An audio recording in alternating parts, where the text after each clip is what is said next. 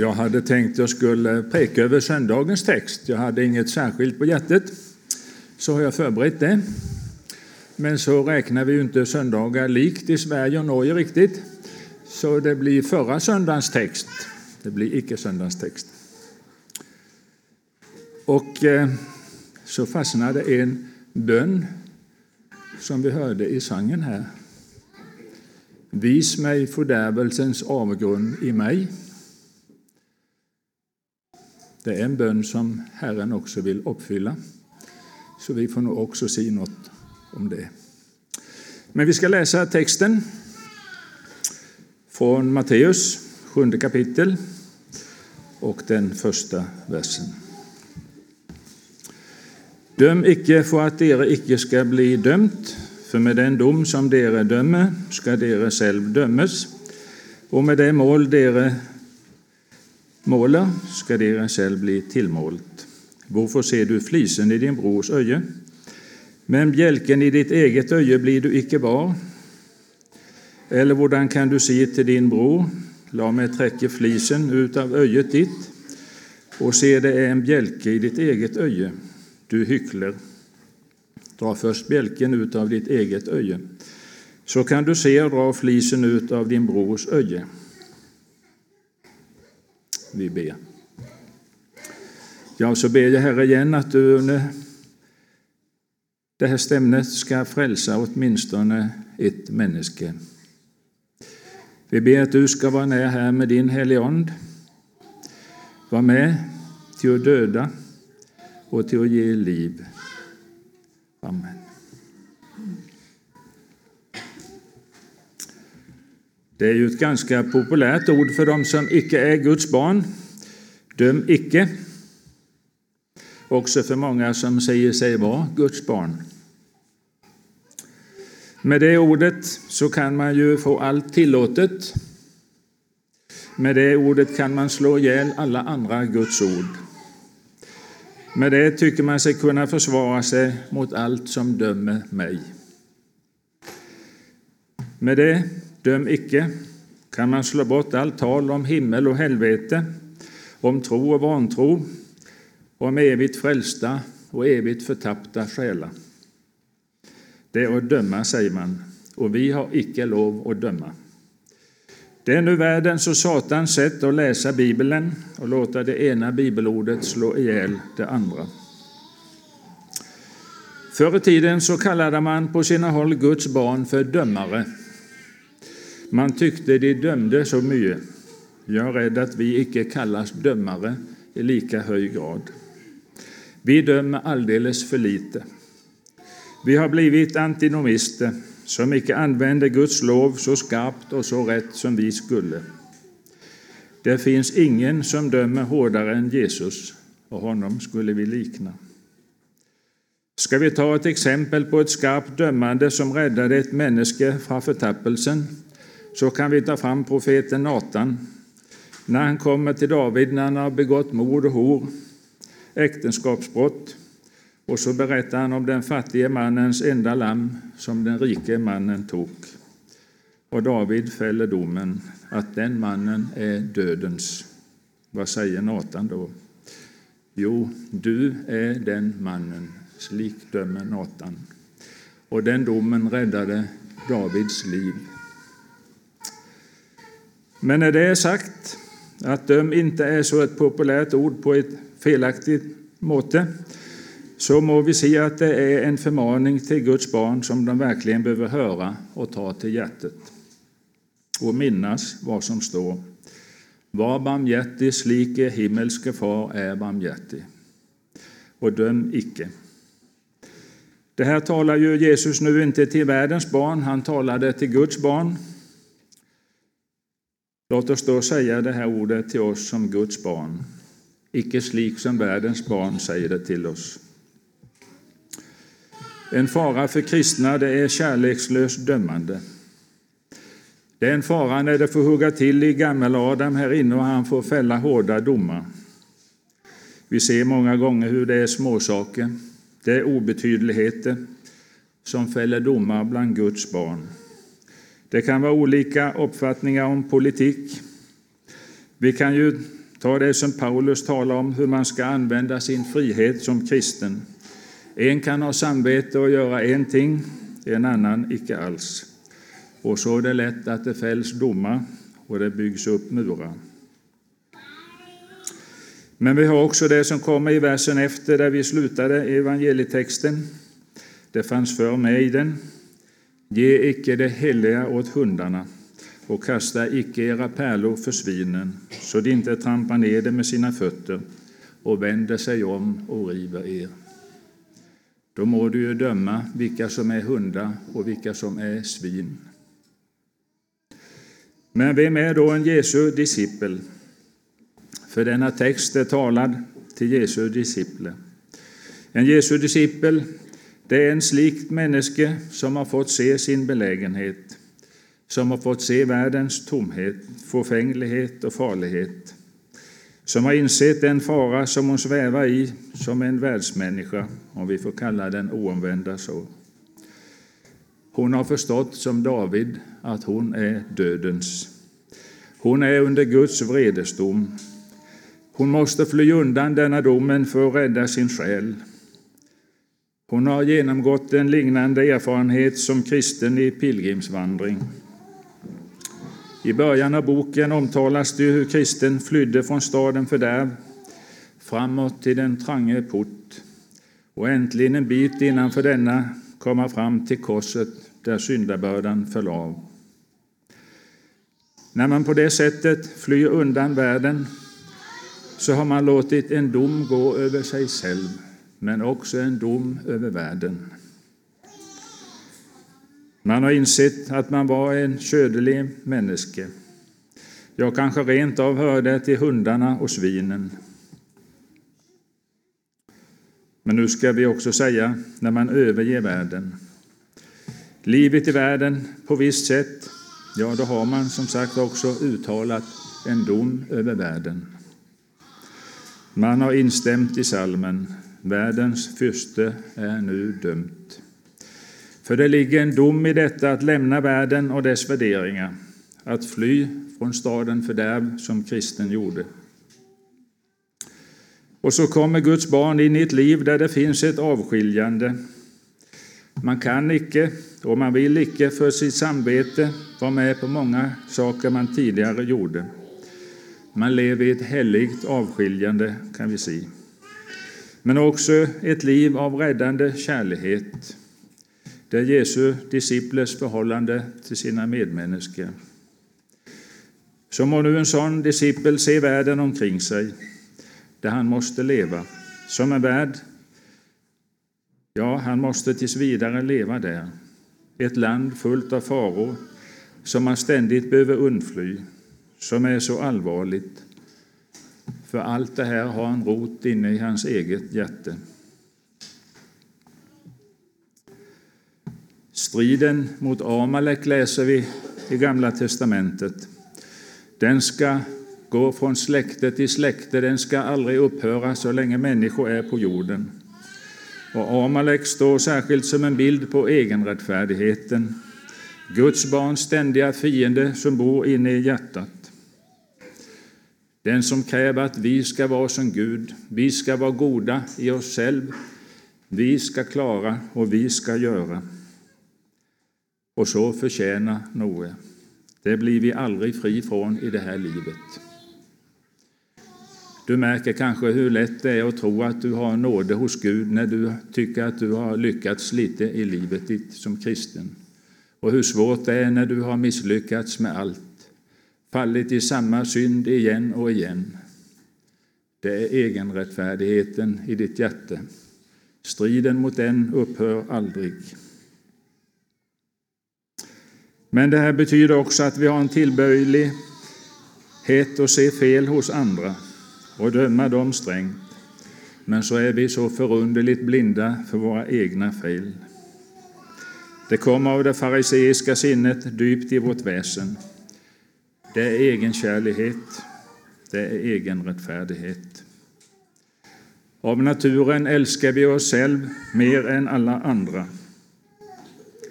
Det är det skriften talar om. Ingen har någonsin hatat sitt eget liv, sitt eget köd.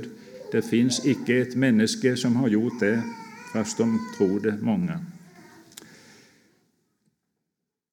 Därför vill vi vara bättre än andra, men utan några större ansträngningar och till ett billigt pris. Och det priset kan vi inte få billigare än hacka ner på andra och döma andra. För då kommer vi själv högre upp. Domarens säte, det är höjt. Där sitter vi åtskilligt högre än alla de andra. Och vår egen kärlighet och vår egen rättfärdighet, den tillåter oss att se ner på alla de andra. Har du inte lagt märke till det hos andra? Ser vi det inte redan tidigt hos barnen? De har så förunderligt lätt att överse med egna fel. De blir så fort färdiga med dem. Men hur skarpt kan de inte se andras fel? Hur obarmhärtigt kan de inte sladdra på sina syskon? Men du har väl lagt märke till det också bland vuxna? Har du inte många gånger förundrat dig hur lätt de kan ta det med sina egna fel när de så skarpt kan kritisera andras fel som är långt mindre? Och då är vi redan inne på ett farligt område. Vi ser detta hos andra. Vi förundrar hur skarpt de ser andras fel och inte sina egna. Men vad är det vi själva gör precis just då? Är det inte det att vi ser så klart vad andra gör? Kanske gör vi i det ögonblicket oss skyldiga att döma vår nästa och inte se våra egna fel. Kanske du har suttit tyst i ett hörn och lyssnat på ett sällskap där du hör talas om andra människor på ett sätt som du synes man icke skulle. Du genomskuer dömarpsykens obarmhärtighet. Men vakt dig väl då att inte dömarpsyken griper dig just i samma stund som du med rätt må illa av de andras dömarpsyke. Det går så lätt att sitta tyst och obemärkt i en vrå och döma de andra omkring sig med samma självgoda inbillade överlägsenhet som bryter ut i de andras tal. Och som de andra går hem med den behagliga känslan att de är bättre och klokare än de många som deras skarpa tungor har hudflängt. Så vakta dig att du inte går hem med en behaglig känsla och var bättre än det sällskap som sitter och hudflänger de andra. Du ska inte bara låta bli att berätta det för andra hur dömarsjuka dessa människor är. Du ska inte ens berätta det för dig själv om du vill undgå att döma dem precis som det upprörde dig att de dömde andra. I sanning är det så svårt att aldrig fälla en obarmhärtig dom att alla människor mer eller mindre faller i den synden.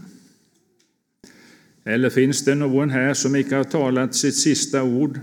Om lamhet skulle drabba den tunga, som inte någonsin med ett hemligt självbehag och oblandad tillfredsställelse har dömt sin nästas dålighet?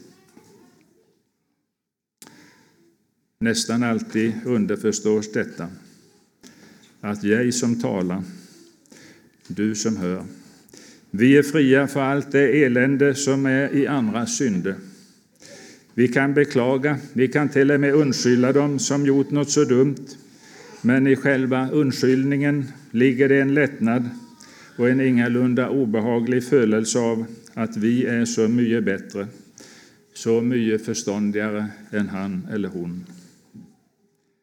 Det är denna dömarsjukans möjlighet att kittla vår självgodhet som gör den här synden så allmän framför alla andra synder. Känner inte du igen dig? Jag känner igen mig alldeles för väl.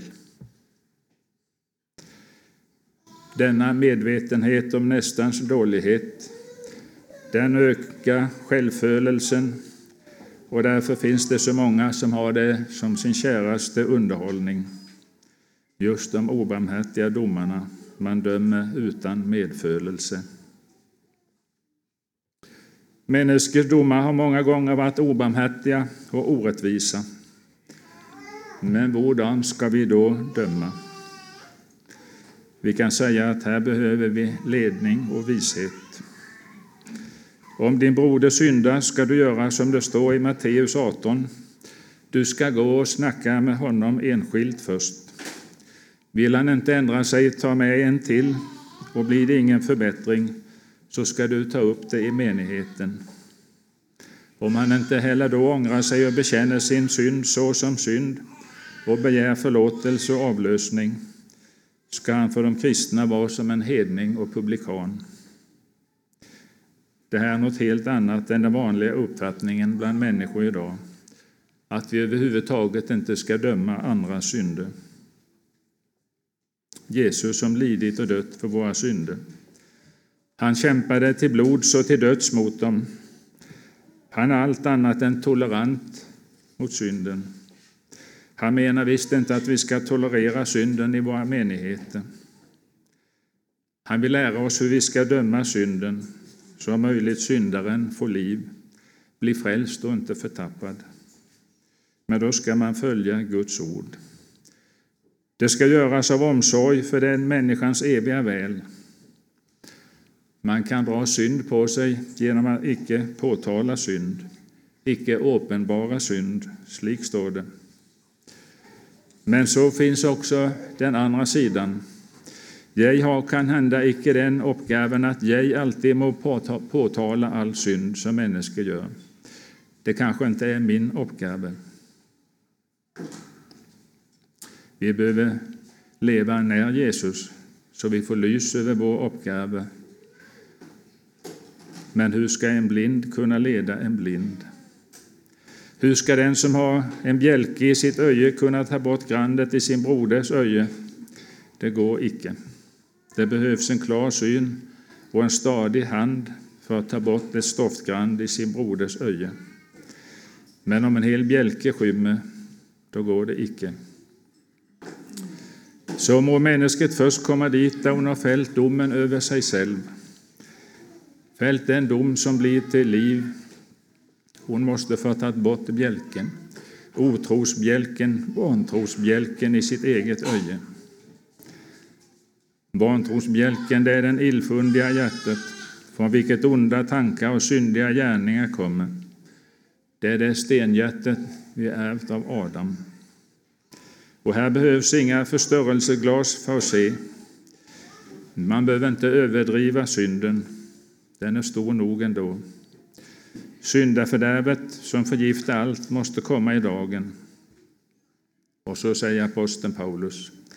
Om vi gick till doms med oss själva blev vi icke dömda. Det är början till frälsen. Det är den nödvändiga förutsättningen till frälsen.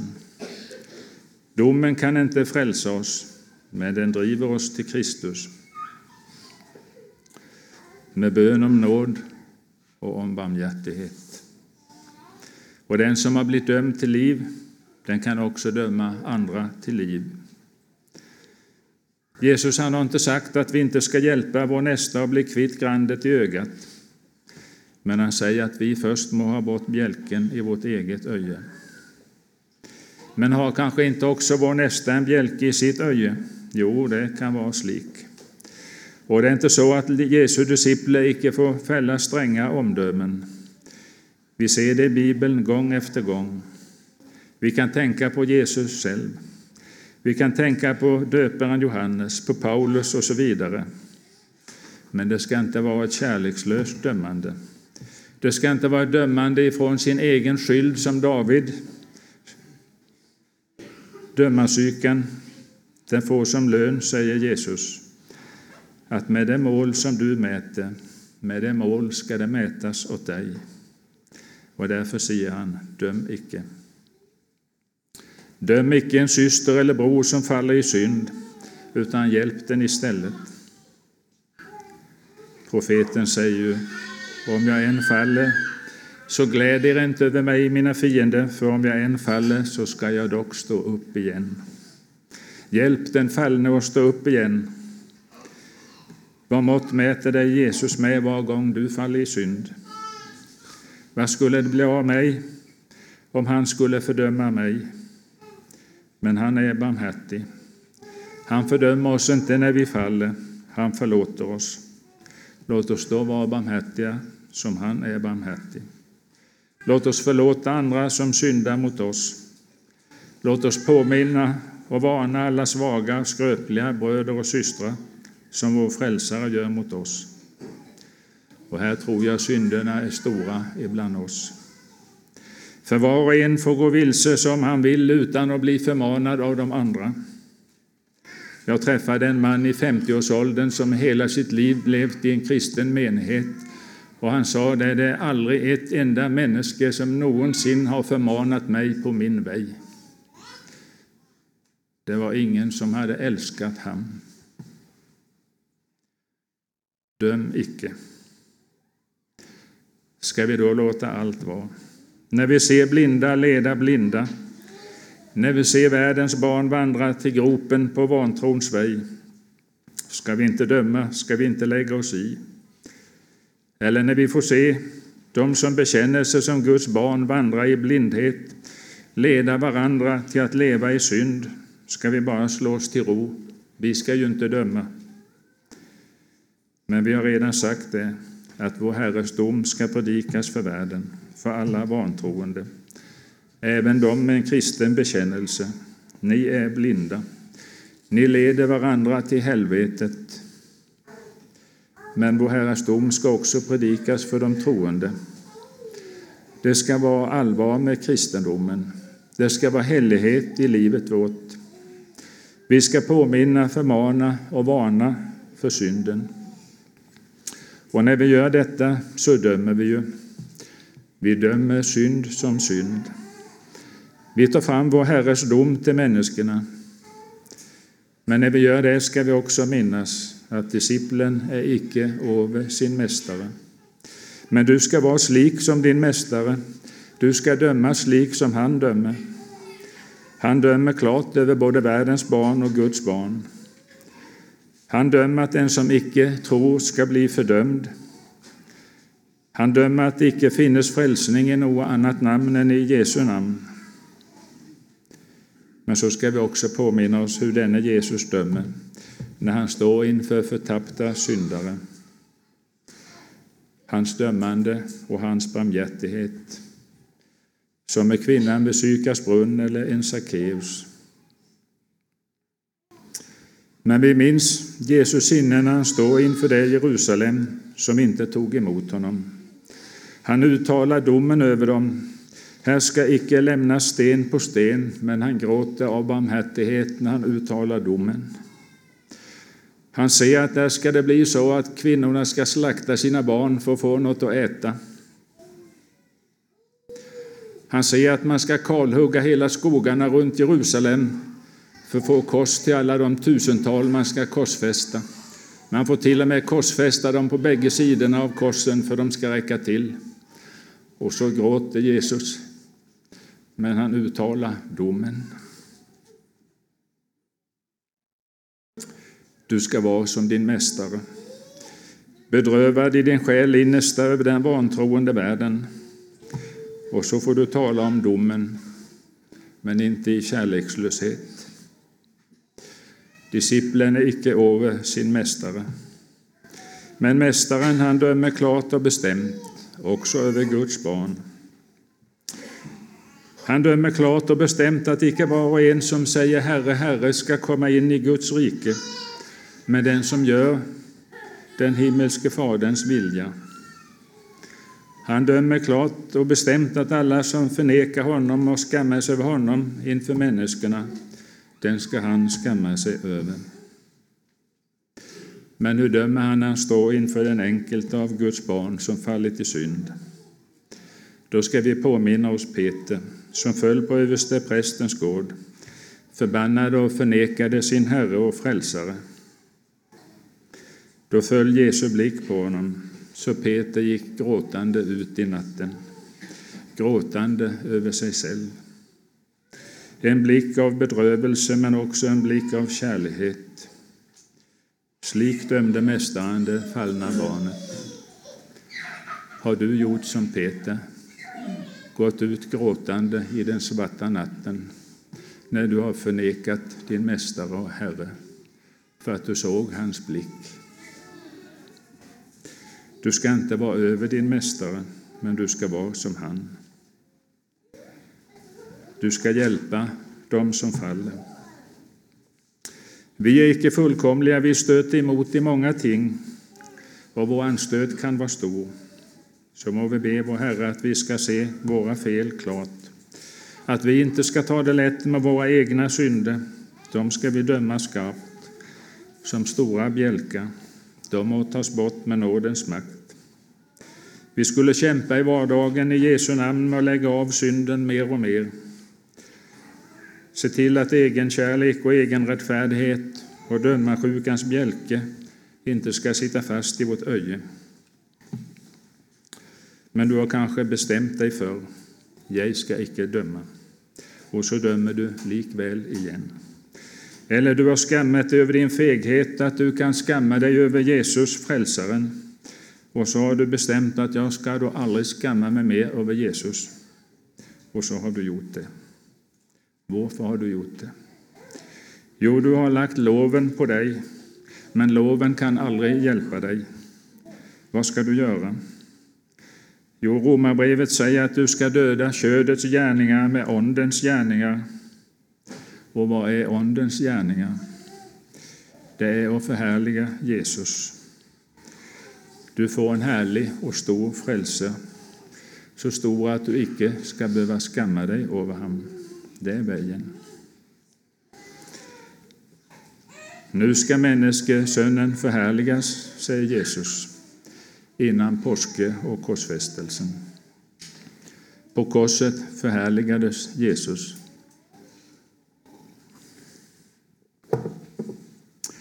Vet ni, jag har väldigt svårt med det här bildet som sitter bakom mig här på väggen. Det är så blodlöst och tillintetsägande. Det första vi läser om det slaktade lammet i Egypten så var det lammets blod som räddade. Och här korsfäster man någon och det rinner inte en blodsdroppe. Var är försoningen? Det finns bara försoning i blodet. Utan blodsutgjutelse ges ingen förlåtelse. Hur kan man måla ett sådant bild? Jag har sett många bilder på korsfästelsen och det är nästan ingen som har talat till mig, för ingen har varit realistisk. Men om ni tittade i Lov evangelium i påsknumret i år så var det ett litet bilde på ett korsfäst människa. Det rystade mig. För det var realistiskt. Just slik kan det ha sett ut. Det var grusomt. Ni vet när man korsfäster ett människa och det hänger i armarna. Så efter kanske tio minuter så får man kramp i bröstkassen och håller på att kvävas. Och då må man resa sig på fötterna, så står man på fötterna tills man inte orkar stå på fötterna. Och så blir man hängande i armarna igen tills krampen sätter in i bröstkassen och så må man resa sig. Timme efter timme, till krafterna är slut.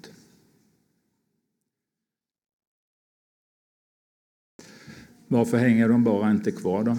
De vill ju dö så fort som möjligt.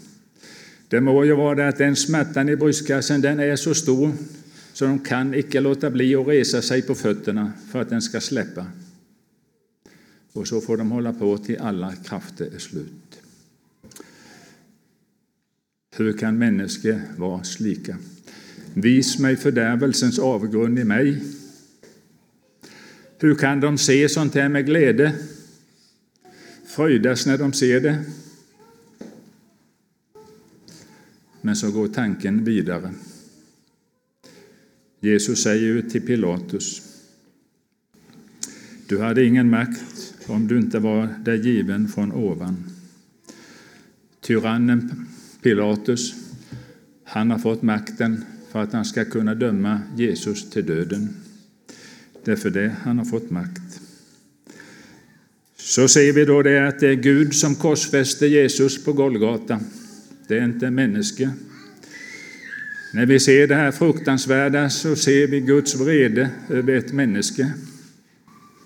Den vrede som hvert människa ska möta om den icke har tagit emot frälsen.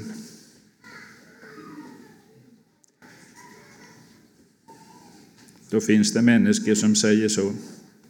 Är Gud slik, kräver Han slika offer, då vill jag icke ha med Gud att göra. Så säger ju många av dagens präster och predikanter. Men Gud han är icke Gud på dina villkor och dina premisser. Gud är Gud, och Honom ska du ha med att göra, Honom ska du möta antingen du godtar det eller inte.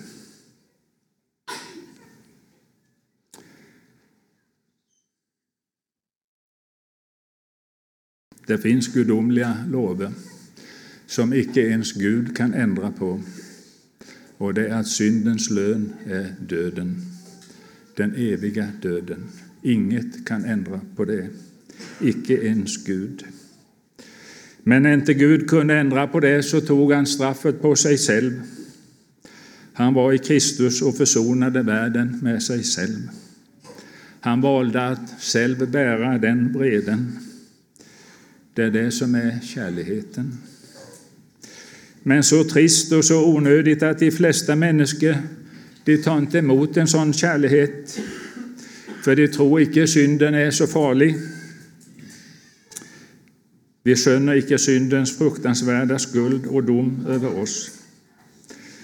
Vi har så svårt att fatta att vi är vredens barn.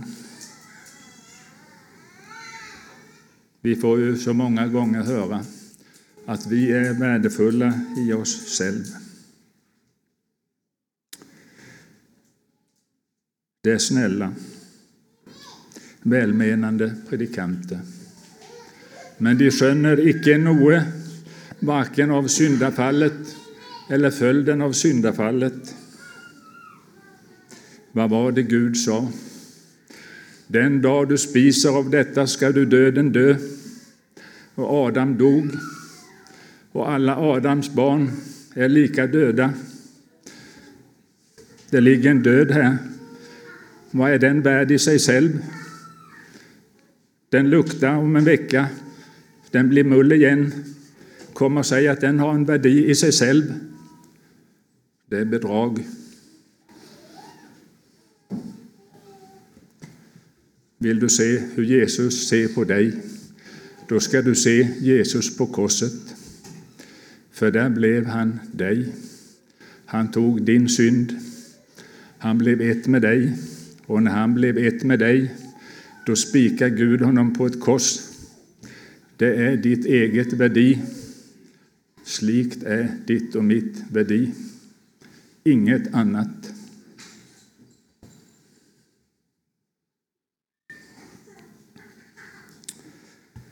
Så kommer nästa spörsmål.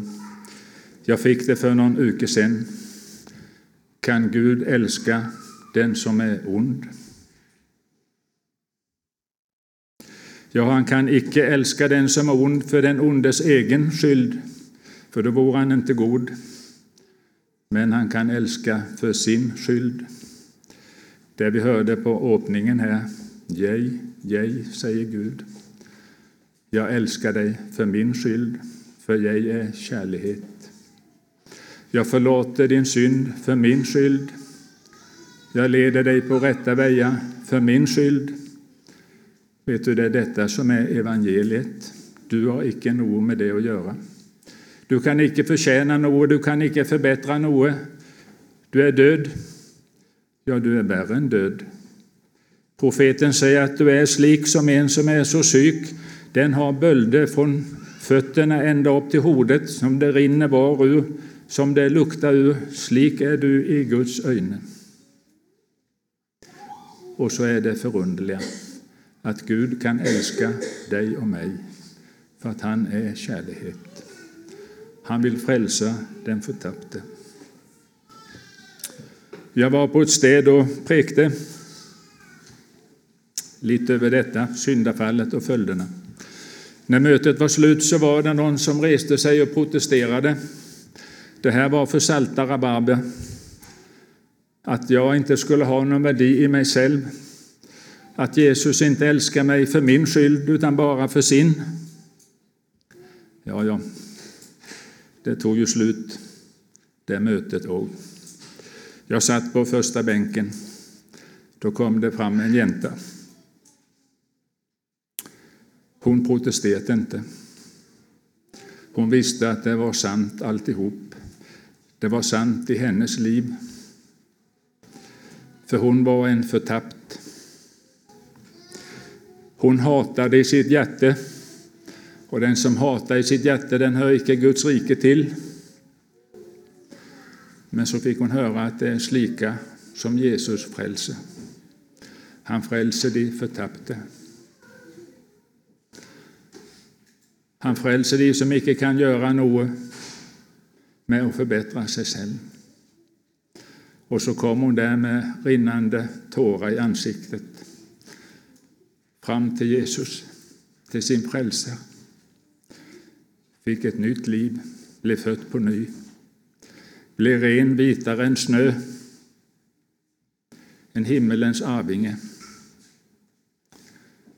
Tänk, den samme preken som är så stötlig för dem som vill vara något i sig själv, den för förtappte syndare till sin frälsare. Men blir vi då något i oss själv när vi blir Guds barn? Nej, du blir aldrig något i dig själv. All din rikdom har du bara i Jesus. Jag har bara min rikdom för att Jesus bor i mitt hjärta. Lämnar han det så är jag lika eländig och utan någonting som innan. Men jag har min rikdom i ham. I ham äger jag allt. Den och. Det är nåde över nåde.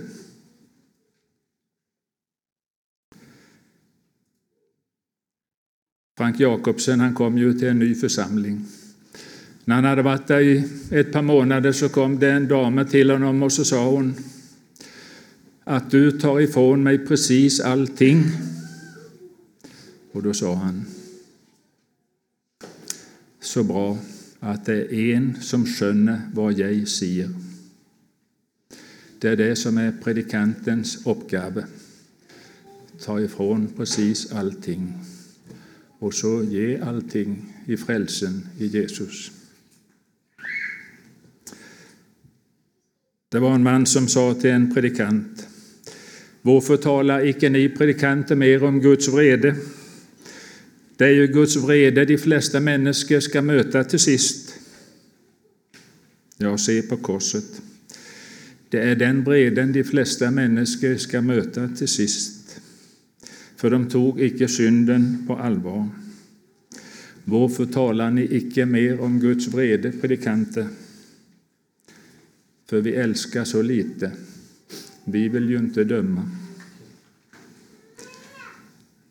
Men Jesus sa ju också, dra först ut bjälken ur ditt eget öje, så kan du se och dra flisen ut av din broders öje.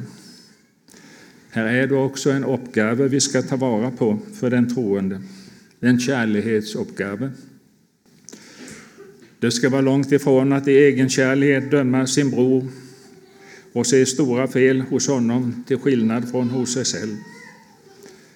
Men den rätta kristliga kärleken den vill inte att en broder eller syster blir liggande i synd, inte ens om den kan anses liten.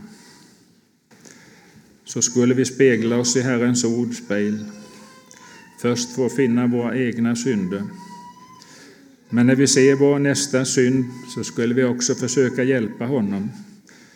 Han kan annars gå förlorad och hans blod kan komma över ditt hode. Och så blir nog sammanfattningen av detta att vi dömer alldeles för lite där vi skulle döma, men vi dömer alldeles för mycket där vi icke skulle döma. Vi ber. Ja, Herre Jesus, du som tog allt vårt på dig. Vi kan se Guds fruktansvärda vrede över synden och domen när vi ser dig korsfäst. Och så ser vi att du gjorde det här av kärlek till oss. Och så vill du frälsa oss alla. Alla förtappta, som ingenting har, som bara har synder. Men den som är rik i sig själv, som är värdefull i sig själv, den har du sagt att den får gå bort. Den som kommer för att köpa något, Den som är rik, den skickar du tomhänt bort. Så vill vi be, Herre, om det, att de som ännu inte har blivit fattiga skulle få bli det. Vi ber att de som är fattiga skulle få se var rikedomen finns, var frälsen finns, och komma till dig, ta emot nåde och förlåtelse, ett nytt liv. Ja, Herre, vi ber att du tar hand om oss alla. Amen.